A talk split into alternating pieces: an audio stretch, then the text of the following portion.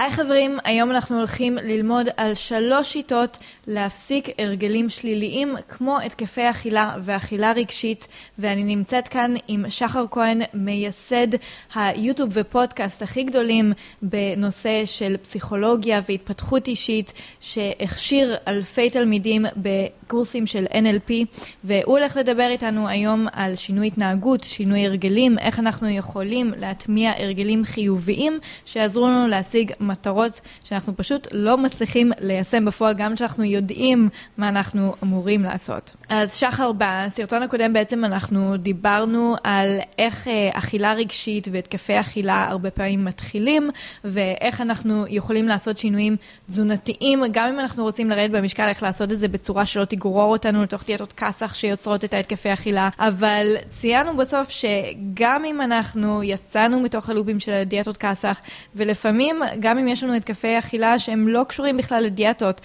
עדיין אה, ההתקפים האלו ממשיכים הרבה פעמים כהרגלים, והם נעשים בצורה מאוד אוטומטית. אז איך עוצרים אה, איזשהו דפוס התנהגות שהוא כבר נהיה מאוד מאוד קבוע וחסר שליטה? נכון, אז באמת דיברנו גם בסרטון הקודם וגם בכלל, אה, שיש מגוון סיבות שאנשים מפתחים הרגלי תזונה לא טובים. סיבה אחת יכול להיות אה, בעקבות הדיאטות כסח והערבה, אה, סיבות נוספות זה כל מיני קונפליקטים רגשיים פנימיים ודברים שאנשים חווים עם עצמם. אבל מה שאנחנו רוצים לדבר עליו בסרטון ובפרק הזה, זה שלא משנה כרגע איך זה נוצר, ואני לחלוטין לא מזלזל בלעבוד מהשורש. אם מי שצופה בסרטונים שלי יודע שאני בעד לעבוד מהשורש, והגישה שלי היא שכל הרגל מזיק הוא תמיד איזושהי בריחה מכאב רגשי, ואם אנחנו נפתח חיים יציבים, חיים משמעותיים, שטוב לנו בקריירה ובעבודה שלנו, טוב לנו במערכות היחסים שלנו, טוב לנו עם עצמנו, אנחנו בטוחים בעצמנו, לא יהיה לנו שום צורך בהרגלים מזיקים, לא התמכרויות ולשום דבר, וגם לא לאוכל, ואנחנו נוכל מדי פעם לאכול משהו מתוק וטעים, אבל עם שליטה, אז אני מאוד מאוד מאמין בזה. אבל גם אני, עד היום כן. לא הגעתי לנקודת אה, נירוונה הזאת שהכל מושלם בחיים, ויש לי דימוי עצמי מושלם, ואני תמיד מרגישה טוב, ואני יודעת להתמודד עם כל הלחצים שלי, אז מה אני עושה אם אני עדיין אה, לא השלמתי עם כל הדברים האלה, ולא פתרתי את כל הבעיות הרגשיות בדיוק. שלי? בדיוק, וזה בדיוק הנקודה שאנחנו רוצים לדבר עליה, כי...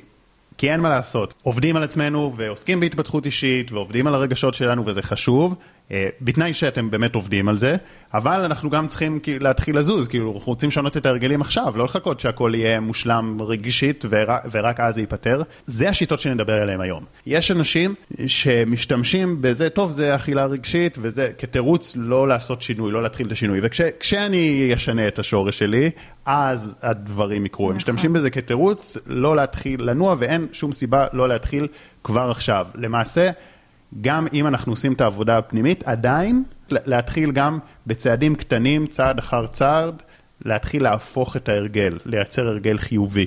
הרבה פעמים גם ההתקפים של אכילה רגשית עצמם גם מונעים את ההתקדמות ואת התחושה הטובה ואת הדימוי עצמי הגבוה יותר מלכתחילה, אז אנשים גם נתקעים באיזשהו לופ, כי אה, ככל שהם ממשיכים, מרגיש, הם מרגישים אה, חסרי שליטה, הם אה, אולי עולים במשקל ועוד יותר מרגישים באסה עם עצמם, אה, עוד יותר זה מכניס אותם לסטרס, ועוד יותר הם נכנסים לתוך ההתעסקות הזאת וחוזרים לדיאטות כסח, אז בעצם זה שהם מחכים שהכל יהיה מושלם בחיים, אני אסיים את התואר, אני אעזוב את העבודה, אני אמצא בן זוג, או משהו יהיה טוב יותר בחיים שלי, אני אהיה רגועה, ואז אני אטפל בבעיה של האכילה הרגשית, אה, בדרך כלל זה אף פעם לא קורה, כי קודם כל... אנחנו לא בהכרח נגיע למצב כן. האידיאלי המושלם הזה, ומי יודע מתי זה יקרה, אבל גם עצם הכלייה שלנו בתוך האכילה הרגשית מונעת מאיתנו גם להתקדם בחיים, זה מעסיק אותנו, זה שם אותנו בסטרס, אנחנו לא יכולים להתרכז, אנחנו מרגישים רע, אז זה לופ אינסופי בעצם. ו- ואפשר להוסיף על זה גם עוד משהו, שקודם כל כשאנחנו מתחילים לשנות את זה, אז אנחנו מתחילים לפתח מסוגלות עצמית, זה מחלחל פנימה, זה נותן לנו, היי וואי, זה, זה אפשרי, כאילו גם אם הייתה לנו הצלחה קטנה, זה בונה לנו קצת את המסוגלות, את האמונה בעצמנו, וזה קטע מאוד משמעותי, אנשים נוטים לזלזל בו, אה, כי אחד הדברים הכי גרועים שיכולים לקרות זה שבן אדם כבר סובל מזה כל, כל כך הרבה שנים, שהוא מגיע למצב כזה של איזשהו ייאוש או אדישות, אה, ואז אנחנו אדישים לבעיות שלנו, ואנחנו אומרים, טוב, בסדר, זה עשיתי את מה שיש. וזה המצב שבו אה, כאילו קשה לצאת ממנו. ואני אגיד מעבר לזה גם למה צריך להתחיל, כי גם, גם הרבה פעמים, אפילו אם פתרנו כל מיני עניינים פנימיים, אז כבר במשך כל כך הרבה זמן יצרנו הרגל שזה כבר נהיה איזשהו אוטומט. איזשהו אוטומט כמעט בלתי נשלט, שחייבים למצוא דרך לשבור אותו. זה כבר אפילו לא, זה לא קשור אם היינו לחוצים לפני או עמוסים לפני, יש איזה טריגר מסוים. אנחנו מגיעים הביתה, רואים את המקרר, רואים את הארון, וזה פשוט נותן לנו דחף, או שאנחנו מגיעים למקום מסוים, או נפגשים עם בן אדם מסוים, וזה פשוט מייצר לנו דחף כאילו אוטומטי, אין פה מחשבות בכלל, אין פה רגשות אפילו, זה טאק, זה אוטומט, זה התניה, אה, או זמנים מסוימים ביום, יש בין זמן מסוים, שעה מסוימת, שאנחנו יודעים שיש לנו craving, זה קורה להרבה אנשים.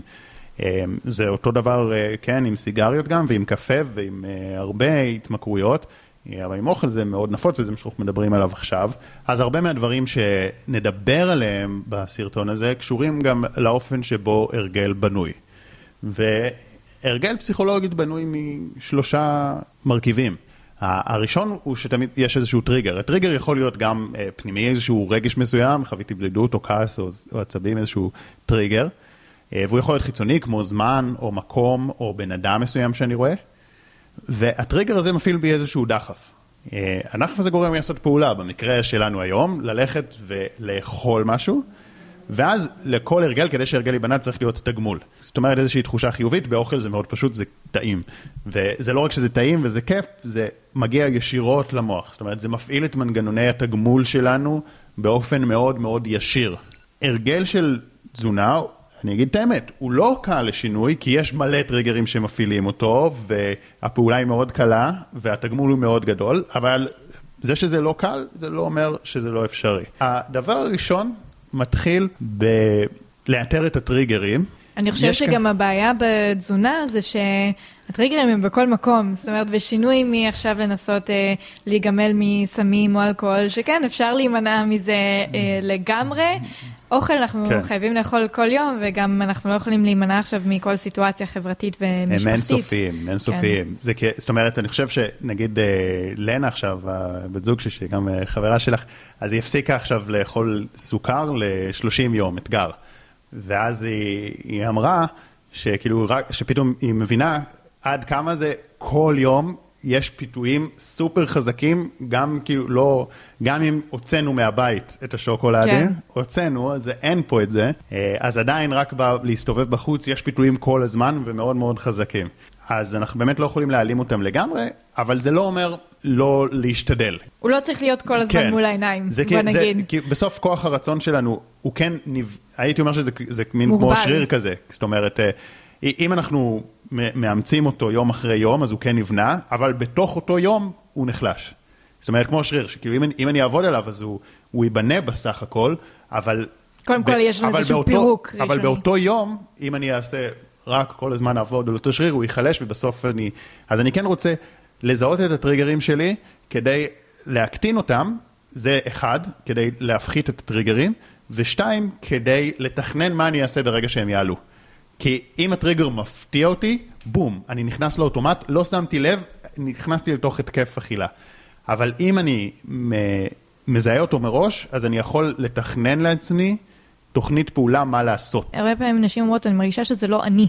זה, זה ממש נעשה מחוסר שליטה, חוסר מחשבה בתוך רגע, זה, זו פעולה שקורית אוטומטית. זה כאילו באמת, כמו שאמרת, שיש את הטריגר דחף פעולה, זה בלי לחשוב בכלל, זה אין רציונל, זה, אה, האישה יודעת לחשוב אה, בצורה נכונה, יודעת מה היא רוצה לעשות ולא לעשות, אבל עדיין זה כאילו נעשה בלי לחשוב בכלל, לפני שהיא מבינה מה קורה, זה קרה.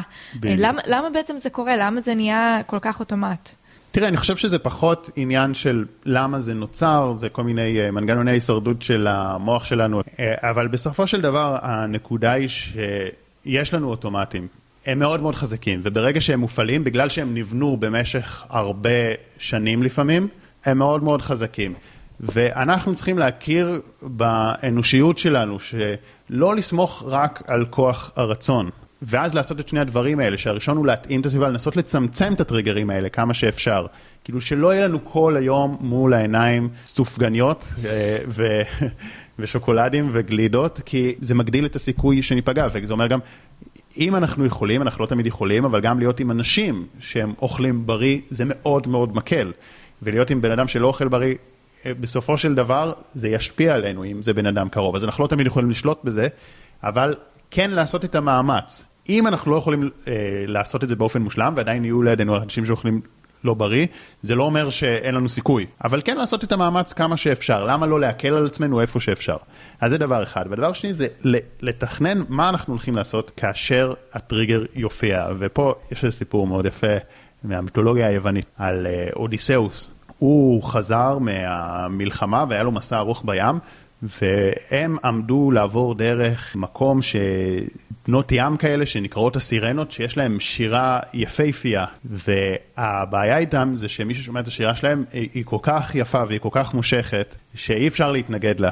ואז אתם משיתים את הסירה הישר אל סלעים, מתנפצים ומתים. והוא אמר, אוקיי, אני רוצה מאוד לשמוע את השירה הזאת של הסירנות, כי אומרים שזה משהו מאוד uh, משמעותי.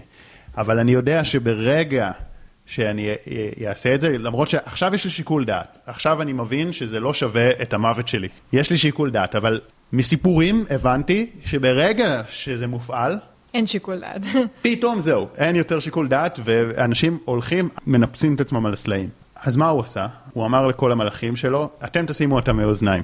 אותי תקשרו לתורן של הספינה, תקשרו אותי, ולא משנה מה אני אגיד לכם, ולא משנה כמה אני אצווה עליכם ואפקוד עליכם וזה, אתם לא משחררים אותי, ואנחנו לא מסיטים את המסלול.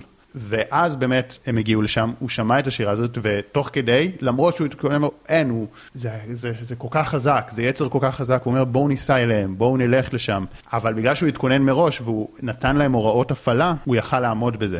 אה, עכשיו כמובן זה מטאפורה על האוכל שלנו, שאנחנו עכשיו, אתם אולי גם מקשיבים לפודקאסט הזה, ואני מניח שאתם לא אוכלים ברגע זה, ואתם אומרים, אין, זה כל כך נכון, ובשביל מה אני כל פעם נופל בהרגלים האלה. אבל ברגע האמת, כשזה מופעל זה כל כך חזק שקשה להתנגד לזה. ולכן אנחנו צריכים לחשוב מראש אה, מה זה, ו- ופה אני גם, אני גם אשאל אותך, כי אני יודע שיש לך כמה טיפים מאוד מאוד טובים בקטע הזה, ואז אני גם אגיד את שלי, מה הדברים שאפשר להכין מראש. זהו, אז הסיסטמות מאוד חשובות. כמו שאתה אומר, אה, תמיד אנחנו גיבורים גדולים לפני הנפילות האלו, וגם שזה לא התקפי אכילה ממש, אלא פשוט אה, נפילות קטנות פה ושם. אנחנו אומרים לפעמים, אה, כן, אני הולכת לעשות עכשיו דיאטה מאוד קשוחה, ואני, או שאני הולכת לאכול מאוד נקי, יהי מה, כאילו לא משנה מה, אני עומדת בזה ברגע ההתחלתי, שיש לך המון מוטיבציה, אבל ברג, ברגעי האמת את נהיית יותר חלשה באותו רגע, ובעצם הפעולות נעשות כבר בלי שליטה. פותחת את המקרר, את ישר לוקחת אה, מה שמתחשק לך באותו רגע, אז צריך להכין את הסיסטמות לפני, ולא להגיד, אוקיי, באותו רגע שיהיה לי את החשק, אני אתמודד עם זה. ואם צריך אה, לבנות אה, רוטינות אה, שלמות, שקצת ירגיע אותנו ויסיחו אותנו, זה דרך אחת, אבל דרך שנייה זה גם אה, למצוא פתרונות ממש פרקטיות מבחינת התזונה, זאת אומרת, אני, אני כן מלמדת נשים שזה בסדר גם לכבד אה, הרבה פעמים את החשקים שלנו, כמובן, זה לא אומר שישר כל פעם שבא לך איזה קצת משהו מתוק, את חייבת אה, לסתום אה, את, את הפינה הזאת עם משהו, אבל כן לאפשר לעצמך עכשיו לקחת משהו אלטרנטיבי. לפעמים זה להרגיע אה, וקצת לסגור את הפינה, זה אולי תיקחי עכשיו אה, מעדן במקום לטרוף את כל הבן אנד ג'רי. זה אולי תחתכי לעצמך קצת ירקות לנשנש, אם את יודעת זה מתוך סטרס, את פשוט חייבת משהו כזה להכניס לפה. כן אפשר לספק חשקים בצורה אחרת, שלא תהיה צורה קיצונית. כמובן, אם אתם גם הקשבתם לחלק א' שלנו, שדיברנו על בכלל איך אה, להימנע מהדיאטות כסח ואיך אפשר אה, לסבוע יותר ולספק חשקים בצורה יותר טובה ועדיין אה, לרדת במשקל, אז אתם יודעים שזה חלק אחד שגם ימנע את הדחף המאוד גדול הזה, אבל שוב אנחנו מדברים על דחף שעכשיו גם נוצר מהרגל. כן, שהוא, שהוא כבר קורה, אז מה עושים? כן, שהוא כבר קורה, וכאן אנחנו באמת צריכים אה, לדעת שיש לנו עדיין איזושהי רמה של שליטה. אולי אנחנו לא יכולים לשלוט על זה שהדחף הזה יעלה, והוא יעלה בערב, אולי בכל שעה, אבל עדיין יש לנו את השליטה לבחור את הפעולה שאנחנו מבצעות באותו, באותו כן. רגע. וכמו שדיברנו על זה שההרגלים האלו כמובן מתחזקים ככל שאנחנו מפעילים אותם, הם גם נחלשים ככל שאנחנו מפעילים אותם פחות. אז נכון, יכול להיות שבהתחלה זו כן תהיה אה, מלחמה, כמו עם אה, אודיסאוס, יכול להיות שאנחנו נצטרך אה, לקשור את עצמנו קצת, אה, אה, לא במובן המילולי, אבל אה, כן. כן, אנחנו נצטרך אה, להגיד, אוקיי, כן, יש לי את הדחף, זה לא נעים לי עכשיו לא לפעול עליו, אבל אני יודעת שככל שאני אה, אפעל עליו פחות ופחות, זאת אומרת, היום אני לא אפעל עליו, אני אלך לישון, אני אכין לי כוס תה, מחר אני לא אפעל עליו, עוד יום אני לא אפעל עליו, כן, יהיה לי קשה בהתחלה, אבל ככל שאני אה, אעביר יותר ימים ברצף בלי לפעול על הדחף הזה, הדחף גם ייחלש, וגם הפעולה האוטומטית שנובעת מכך, ההרגל הזה, גם כן ייחלש איתו. זאת לא תהיה מלחמה תמידית. זאת אומרת, אין פתרון קסם, אבל כן זה יהיה יותר ויותר קל עם הזמן, ופה מאוד חשוב להבין שהתמדה היא הדבר הכי חשוב. כמו שדיברנו בסרטון הקודם על השינוי של התפיסה השחור לבן, שברגע שאנחנו מפשלים, אז אנחנו מבטל, מוותרים לגמרי, דווקא פה זה כל כך מסוכן. כי גם אם נפלת פעם אחת, נגיד את ניסית ל- לא להקשיב לדחף יום אחד, יום אחד, יום אחד, עוד ועוד יום, אה, עבר שבוע ואז הייתה לך איזושהי נפילה, היה איזשהו התקף אכילה, אל תוותרי, זה לא הרס את כל הדרך. יכול להיות שעדיין התדירות כן. היא יותר נמוכה ממה שהייתה מקודם. תחגגי את ההצלחה, תחגגי את זה שעכשיו, פעם קודמת אה, היו לך איזה שלושה התקפים בשבוע, בשבוע שעבר, והשבוע היה לך רק התקף אחד, אז זאת התקדמות, את, את החלשת את ההרגל הזה, וכאן מה שהכי חשוב זה לא הפרפקציוניזם, אלא ההתמדה. ופה מאוד עוזר למשל אה, ליצור איזשהו מעקב כדי שאנחנו נתמקד בהצלחות ולא בכישלונות. למה? כי שוב, כמו שאמרנו, זה הרבה פעמים מגיע מסטרס, מ, אה, מלחץ נפשי, מחוסר ביטחון עצמי, ושאנחנו כבר אומרים לעצמנו בראש, אני לא יכולה לעמוד בזה, אנחנו בונות לעצמנו את האמונה הזאת, אני לא יכולה. ברגע שאני בלחץ, ברגע שהיה לי יום רע, אה, אני חייבת את ההתקף אכילה הזה.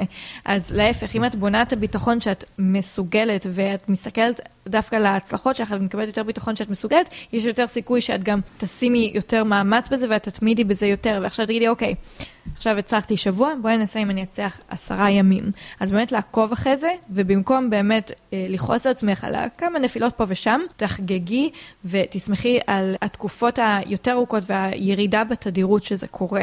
ואם אני חוזר לכל הנקודה של לתכנן תוכנית פעולה חלופית, אז באמת גם את זה אפשר לחלק לשתיים, שהדבר הראשון זה, כמו שאמרת, לחשוב על מאכל אחר, שהוא גם מספק, אבל יותר בריא לי, והוא כן בתפריט שלי ובתזונה שלי, ולהכין לי אותו גם שיהיה לי זמין, כן? כי אם הוא לא זמין, אז זה לא עוזר, כן? אם, אין אם אני פותח את המקרר ואין שום דבר בריא, אז בסוף אהיה רעב ואני אוכל משהו לא בריא. אז זה דבר אחד בתוכנית חלופית, שזה התכלס, מה זמין לי במקרר כן, ובארון. וחשוב לי לציין שלקחת אה, משהו חלופי, זה לא אומר, בא לי עכשיו אה, פיצה, אז אני אוכל אה, מלפפון. זה לא באמת אה, יספק את החשק. כמו שדיברנו אה, בסרטון הקודם על דיאטות, אפשר למצוא דברים דומים שהם אה, יותר בריאים או בפחות קלוריות, ואפשר אפילו לח- להחליט שאנחנו במודעות חורגים קצת ביום אחד, אבל לא חריגה בהגזמה, מתי שאנחנו באמת מרגישים שאנחנו צריכים את זה, כי אנחנו לא יכולים לעבוד על עצמנו, בוא נגיד, אה, אם יש לנו איזשהו חשק, סתם אה, להחליף באיזה עכשיו אה, סלט או משהו, לא בהכרח יסגור את זה אם זה מגיע מחשק ולא מתוך רעב,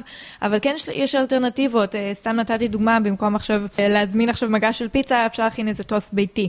ונגיד לעצמנו, אוקיי, נכון, זה היה עדיין משהו נוסף בתפריט, אולי קצת חרגתי ממה שתכננתי לאכול, אבל זה לא היה עכשיו אה, בולמוס על מגש של פיצה, זה התקדמות. ויכול להיות שההתקדמות הזאת לא תהיה מושלמת, עדיין אנחנו נרצה לאכול משהו, עדיין זה לא יהיה הכי בריא, אה, אבל זו עדיין התקדמות. הדחף הזה גם אה, יפחת ככל שהוא יהיה פחות קיצוני. ככל שאנחנו מוצאים דרך שזה לא יהפוך לעכשיו התקף אכילה שלם, שגם משאיר אותנו אחרי זה עם איזשהו אה, לחץ, שהלחץ הזה כבר גורר הרבה פעמים אה, עוד התקפים, והוא מחזק את ההרגל הזה, ככל שאנחנו נימנע מזה, גם אם זה לא יהיה מושלם, לפחות להחליש את ההרגל כדי שהדחף ירד לאורך זמן. וכמובן אנחנו יכולים למצוא גם uh, פעילות חילופית שהיא לא אוכל בפני עצמו. אמרנו על זה שהרבה פעמים ההשתוקקות שלנו היא בכלל לא, ל, לא לאוכל, אלא זה איזשהו, זה איזשהו טריגר שהוא לא קשור לרעב באמת, אלא ללמוד גם מה לעשות ואיך לספק את עצמנו בצורה שהיא לא דרך הפה, שזה יכול להיות לקחת כמה נשימות, הרבה פעמים שאנחנו נרגעים, כשאנחנו נכנסים ליותר למערכת הפרסימפטית, אז יותר קל לנו גם לעמוד בתשוקה הזאת, כי התשוקה הזאת היא לרוב כאילו מהאזורים היותר אוטומטיים של המוח, וברגע שאנחנו עוברים למערכת של הרגיעה, של החלקים הקדמיים החדשים יותר של המוח, של השליטה העצמית, של הוויסות הרגשי, אז יותר קל לנו לשלוט, אבל זה משהו שאנחנו גם, אנחנו לא יכולים לעשות אותו בזמן אמת אם לא התכוננו עליו, אנחנו צריכים ללמוד את זה ביום-יום, לעשות את התרגול של מיינדפולנס, של מדיטציה, כשזה יגיע זה לא יפתיע אותנו, יהיה לנו פתאום מרווח בין הטריגר לבין התגובה. זה לא יהיה אוטומט, אבל שוב, אנחנו צריכים להתכונן לזה מראש. ומעבר לזה יש עוד דברים שאנחנו יכולים לעשות, כי פשוט הרגל אחר. יש הרי את המעגל של הרגל, שאמרנו שזה תמיד טריגר, פעולה ותגובה ותגמול. אם אנחנו רוצים לייצר הרגל חדש וחלופי, אז אנחנו גם צריכים שיהיה לו טריגרים. במקרה הזה זה קל, כי אנחנו רוצים לייצר את ההרגל על אותם טריגרים, אבל אז אנחנו צריכים שזה תהיה פעולה פשוטה, אם זה תהיה פעולה קשה במקום, עכשיו ללכת ולהכין ארוחה, קשה, לא, לא קל. עכשיו ללכת ולעבוד uh, על הפרויקט שלנו, לעשות עריכות, לא יודע, משהו לא קל, לא טוב. כמו שאמרת, כאילו שכמו שאני לא יכול להחליף פיצה ממלפפון, אני גם לא יכול להחליף פיצה ב... ללכת לעשות איזושהי עבודה קשה, אז צריך להיות משהו שכאילו שקל לעשות. ואז הרבה יותר קל לייצר את זה, נגיד לצאת לחמש דקות הליכה, משהו קל. אז אנחנו צריכים לאתר לעצמנו את הפעולות האלה. וכמובן, זה כבר מקשר אותנו לדבר הבא שרצינו לדבר עליו, של איך לייצר לעצמנו תגמול. כי האוכל הוא מתגמל מצד עצמו, זה פשוט מתגמל. אבל איך לייצר לעצמנו תגמול פנימי על זה שהצלחנו לייצר הרגל חדש, וזה כבר החגיגת הצלחות והמעקב אחרי ההצלחות ואחרי ההרגל. אני יודעת שהרבה אנשים עכשיו אה, מקשיבים, ואולי בקצת ציניות, אומרים, אה, מי שבאמת אה, סובל מאכילה רגשית והתקפי אכילה כבר תקופה ארוכה, אומרים, כן...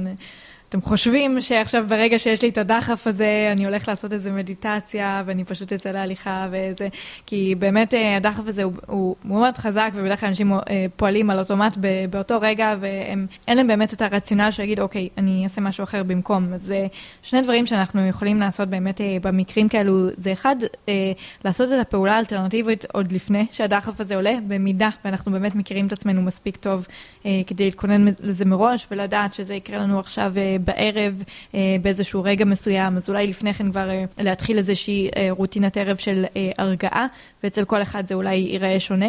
אבל הדבר השני, ואת זה אני דווקא לוקחת ממל רובינס, שהיא דיברה על חוק החמש שניות, שזה נשמע משהו דווקא כל כך פשוט, אבל זה מאוד מאוד מתאים לאיך שהמוח שלנו עובד כשהוא לא פועל על הרציונל. כי אם אנחנו ננסה ברגע הזה להיות רציונליים ולעשות מסע ומתן עם עצמנו, זה לא הולך לכיוון טוב. תמיד אנחנו נשכנע את עצמנו למה אנחנו כן צריכים לפתוח את המקרר, למה אנחנו כן צריכים ללכת, אה, לקחת את אה, דלי שלם של גלידה, ותמיד זה יישמע לנו באותו רגע מאוד רציונלי, תמיד נסביר, כן, אני לא אכלתי אה, מספיק טוב היום, או שזה ירגיע אותי, ואז אני אתרכז יותר טוב במשימה שלי, או כל סיבה אחרת, כן, זה, זה ייתן לי כוח, לא יודעת מה לסחוב אחרי זה. תמיד אנחנו נמצא איזשהו רציונל, אם אנחנו ניכנס ללופ הזה של מחשבה. אז מה החוק החמש שניות אומר? זה אומר שאנחנו מתחילים באותו רגע, עוצרים את עצמנו, אנחנו לא נותנים לנו זמן אה, מחשבה, אנחנו סופרים אחורה 5, 4, 3, 2, 1, ואנחנו עושים פעולה.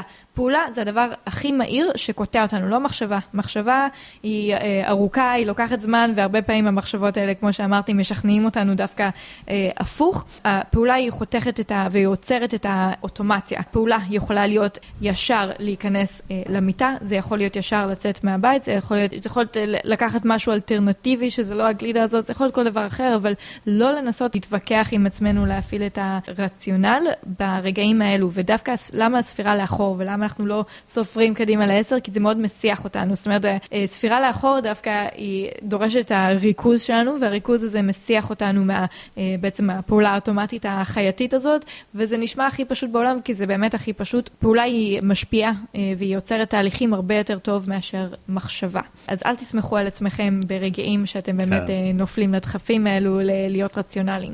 ברור, אגב, אם מישהו, אם מישהו עולה לו את ההתנגדות הזאת של מה אתם מדברים, אתם יודעים כמה זמן אה, יש לי את זה, אתם חושבים שאני אעשה איזה פעולה במקום? אה, אז זה בדיוק מה שאנחנו אומרים, שזה מאוד מאוד קשה, ובגלל זה אנחנו צריכים לתכנן את זה מראש. אבל אם אתם מתכננים את זה מראש, ומתאמנים על זה גם באופן מנטלי, מה אתם הולכים לעשות, ואם אתם באמת יודעים לעשות, זה כן עובד. לא עובד תמיד, אבל עובד. וצעד אחרי צעד אפשר, וזה אגב גם באמת אפילו מוכח מחקרית. כמו שאמרנו, זה גם לא צריך לעבוד תמיד, זה צריך לעבוד ברוב המקרים. כן, כן, ואת זוכרת שעשינו לייב, אז גם, נת... גם דיברתי על הדוגמה הזאת, שאני חושב שהיא יפהפייה, שיש את הנושא של מבחן המרשמלו, ומבחן המרשמלו זה אחד הניסויים הכי מפורסמים בפסיכולוגיה, זה בעצם ניסוי שלקחו ילדים, בני ארבע, אה, הכניסו אותם לחדר, אמרו להם, הנה מרשמלו, אם אתם במשך, לא אמרו להם במשך כמה זמן, אבל זה היה 20 דקות, אם אתם לא נוגעים בו, עד שאני חוזר, אז אתם תקבלו עוד מרשמלו, וזה פרס גדול לילד בן ארבע, ועוד בטח בשנה שהמחקר הזה נעשה. הם מאוד רצו את זה, אבל היה להם מאוד קשה להתאפק, והם רובם לא הצליחו לעמוד בזה. והמחקר הזה סופר התפרסם בגלל ש...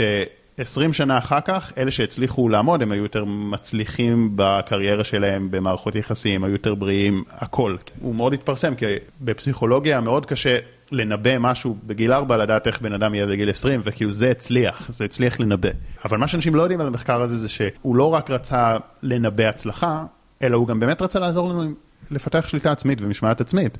ואחד הדברים שהוא ניסה בעצם לעזור לילדים האלה להצליח, איזה טריקים הם יכולים להשתמש בו כדי כן לעמוד בזה. אז האם זה אומר שבעצם היכולת הזאת של דחיית סיפוקים היא משהו גנטי? מה, מה אנחנו עושים אם באמת אה, אנחנו יותר חלשים? אז זה בדיוק, אז זה בדיוק הקטע. יכול להיות שיש איזו מידה מסוימת של גנטי, כמו בכל דבר, אבל, אה, אבל אחד מהדברים שבאמת וולטר מישל, החוקר שעשה את המחקר, רצה להראות, הוא לא רצה להראות גנטיקה, הוא רצה להראות איך אפשר להתגבר על, של... על משמעת עצמית, איך אפשר לפתח שליטה עצמית. אחד מהדברים שהוא נסע, הוא נתן לילדים אסטרטגיה מה לעשות ברגע שיהיה להם את ההשתוקקות. זה היה במחקר קצת אחר, זה לא היה עם מרשמילו, זה היה עם ליצן שאומר בוא תשחק איתי, בואי תשחקי איתי, והוא אמר ברגע שהליצן הזה יוצא, אסור לכם לשחק איתו, אבל הוא נתן להם אסטרטגיות מה לעשות, לדוגמה להסתכל הצידה, לדוגמה להגיד לו לא, אני לא מוכן, כל מיני אסטרטגיות פשוטות. והאחוזים של ההצלחה אל הילדים שהיה להם את האסטרטגיות מה לעשות כשזה הולך לקרות היו בעשרות מונים יותר uh, גבוה. זה המחקר שהתפרסם הכי הרבה על זה, על זה שהוא מוכיח כאילו גנטיקה, כאילו משהו קבוע באישיות שלנו, אבל הוא גם בהמון וריאציות שלו הראה איך אפשר לפתח משמעת עצמית ושליטה עצמית. זה רק אחד מהם. אה. אז בעצם אתה אומר שאם אנחנו מכינים לנו את הארגז כלים הזה, גם אם אנחנו... אה, כביכול חושבים שהמשמעת העצמית שלנו מאוד נמוכה, ויכול להיות שהיא באמת באותה תקופה אה, יחסית נמוכה, בין אם זה מבעיות אמוציונליות או, פיזיולוגיות או כל דבר אחר. אם יש לנו את הכלים ויש לנו את הרשימות של הפעולות האלטרנטיביות ומה אנחנו יכולים אה, לעשות ברגעי הפיתוי האלו, יהיה לנו הרבה יותר קל אה, להפעיל את המשמעת עצמית. כן. יודעת מה, בוא, ובואי גם כן נגיד את הדבר נוסף שהוא גילה שם, שהוא כן אה, קשור למה שהתחלנו לדבר עליו בתחילת הפרק. הוא נתן לילדים אה, איזושהי שאלה. הוא אמר, נשבר לך עיפרון, האם זה בגלל שאתה לא יודע לצייר, או... בגלל שהעיפרון דפוק, או קיבלת מתנה, האם זה בגלל שאתה ילד טוב ומגיע לך, או בגלל שהבן אדם נחמד. שאלון כזה שיש לו שתי אופציות, דבר אחד, משהו שתלוי בנו, לא משנה אם זה לטובה או לרעה, והדבר השני לא תלוי בנו, זה גורם חיצוני גרם לזה. שזה בעצם שאלון שבוחן מיקוד שליטה פנימי. האם התוצאות שלי בחיים, יש לי השפעה עליהן? האם אני אחראי על התוצאות שלי בחיים, או האם זה פשוט קורה לי, וזה לא בשליטתי. והוא שם לב שאלה שקיבלו ציון גבוה במיקוד שליטה פנימי, הם הרבה יותר הצליחו במבחן הזה. ואז את יכולה להגיד, אוקיי, אז אם אני אפתח מיקוד שליטה פנימי ואני אבין שהדברים באחריותי ובשליטתי, אז זה יעזור לי גם למשמעת העצמית, ואז אני יכול בעקיפין לפתח את המשמעת העצמית. ומה שקורה באמת עם, עם אנשים, וזה, ודיברנו על זה, שלא מצליחים uh, לשנות את ההרגלים, זה אומרים, זה חזק ממני, זה שולט בי, זה כבר יותר חזק ממני, וזו גישה שהיא תבוסתנית. עכשיו, אני לא בא לרדת על אנשים, כי באמת לפעמים צריך לעבוד על איזה שורש רגשי. באמת צריך לעשות את זה, אי אפשר רק ללכת ראש בקיר, זה לא עובד, אבל גם לא צריך להיות תבוסתנים. לא צריך להתייאש ולוותר לעצמנו בקלות. להחלטות שלנו יש כוח, וגם אחת הסיבות שאנשים עם מיקוד שיטה פנימי מצליחים יותר במשמעת עצמית זה כי, כי תחשבי ילד כזה שאין לו מיקוד שיטה פנימי, והוא אומר זה לא תלוי בי וזה תלוי בכוחות חיצוניים, אז בשביל מה להתאמץ? נכון. נכון. בשביל מה להתאמץ? הוא סתם עכשיו יעבוד קשה, ואז הוא ממילא בסוף יישבר, אז עדיף כבר מראש. זה בדיוק אה, אה, נוגע בנושא שדיברנו על זה שאנחנו, כשאנחנו קוראים לזה גם אכילה רגשית ספציפית ואנחנו מאשימים את הרגשות או משהו שאנחנו עוברים בחיים ואנחנו אומרים לעצמנו, אנחנו לא מסוגלים להתגבר על זה או לשנות את ההרגלים עד שלא נפתור א', ב', ג' בחיים שלנו ואנחנו נהיה בסיטואציה אחרת, זה כאילו אנחנו נותנים שליטה לסביבה החיצונית וכל מה שקורה לנו בחיים ואנחנו אומרים, לי אין שליטה, אני לא מסוגלת. ברור שאת מוותרת לעצמך מראש, אם את לא מאמינה שאת מסוגלת, אם את מאמינה שהשינוי הרגלים שלך תלוי בכל אה, הדברים האחרים שקורים לך בחיים, אז את גם לא תפעלי לנסות לשנות את זה. ואת עוד יותר מחזקת ומחזקת את הצורך הזה בנפילות.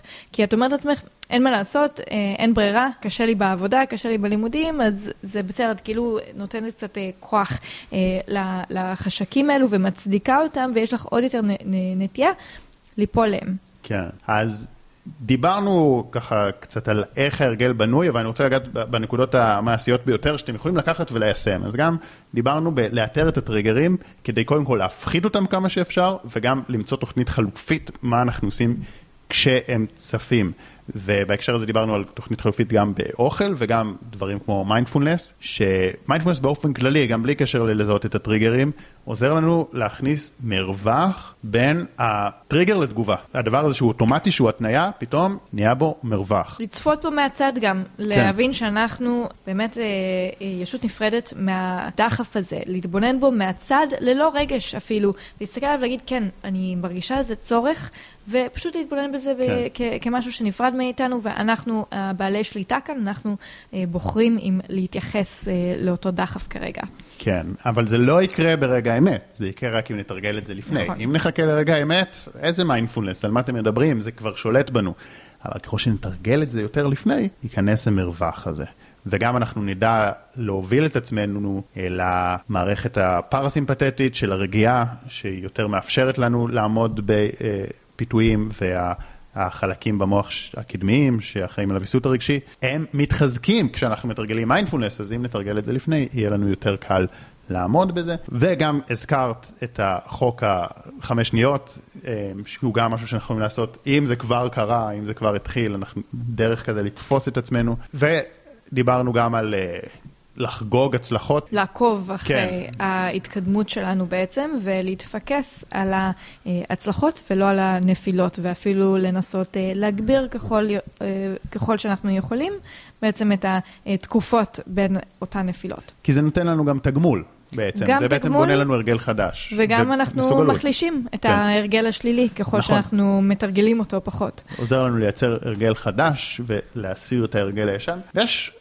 מגוון דברים שאפשר לעשות, אבל אני חושב שמה שדיברנו עליו, במיוחד אה, העניין גם של המיקוד שליטה פנימית, שעם זה התחלנו גם ועם זה סיימנו, מאוד משמעותי. כאילו לא לוותר על עצמנו. מצד שני, לא להיות נוקשים עם עצמנו ולא להגיד, ולא להאשים את עצמנו, זה, זה משחק הדין, כאילו, כי אני לא רוצה גם שאנשים יאשימו את עצמם. אבל אה, לדעת שיש לנו שליטה. אבל כן, אבל אנחנו מסוגלים. אפילו איך שאנחנו מדברים אה, עם עצמנו, לדעתי מאוד משפיע. עצם זה שיוצא המשפט הזה מהפה, אני לא מסוגלת. Mm-hmm. אני לא יכולה לעמוד בפני זה. כן. אל תגיד את המשפטים האלו, את מחלישה את עצמך. לגמרי. אז טוב, יש, יש לנו כל כך הרבה דברים משמעותיים לדבר עליהם. האמת, ת, תגיבו לנו כאן בתגובות, אם, אם מעניין אתכם שנדבר על עוד דברים, שנמשיך את הפודקאסט הזה עם עוד כלים אה, שהצגנו פה, ופשוט רק מעניין של זמן, אז אנחנו עוצרים פה, אז תגיבו לנו אם זה מעניין אתכם. וגם בתיאור למטה, שמנו לכם את הקישור לפרק הנוסף שעשינו, שמתעסק יותר בתזונה, יותר בדגשים לתזונה עצמה, שיעזרו לנו אה, לעצור את ההתקפי אכילה ואכילה רגשית, ושמנו לכם שני מדריכים.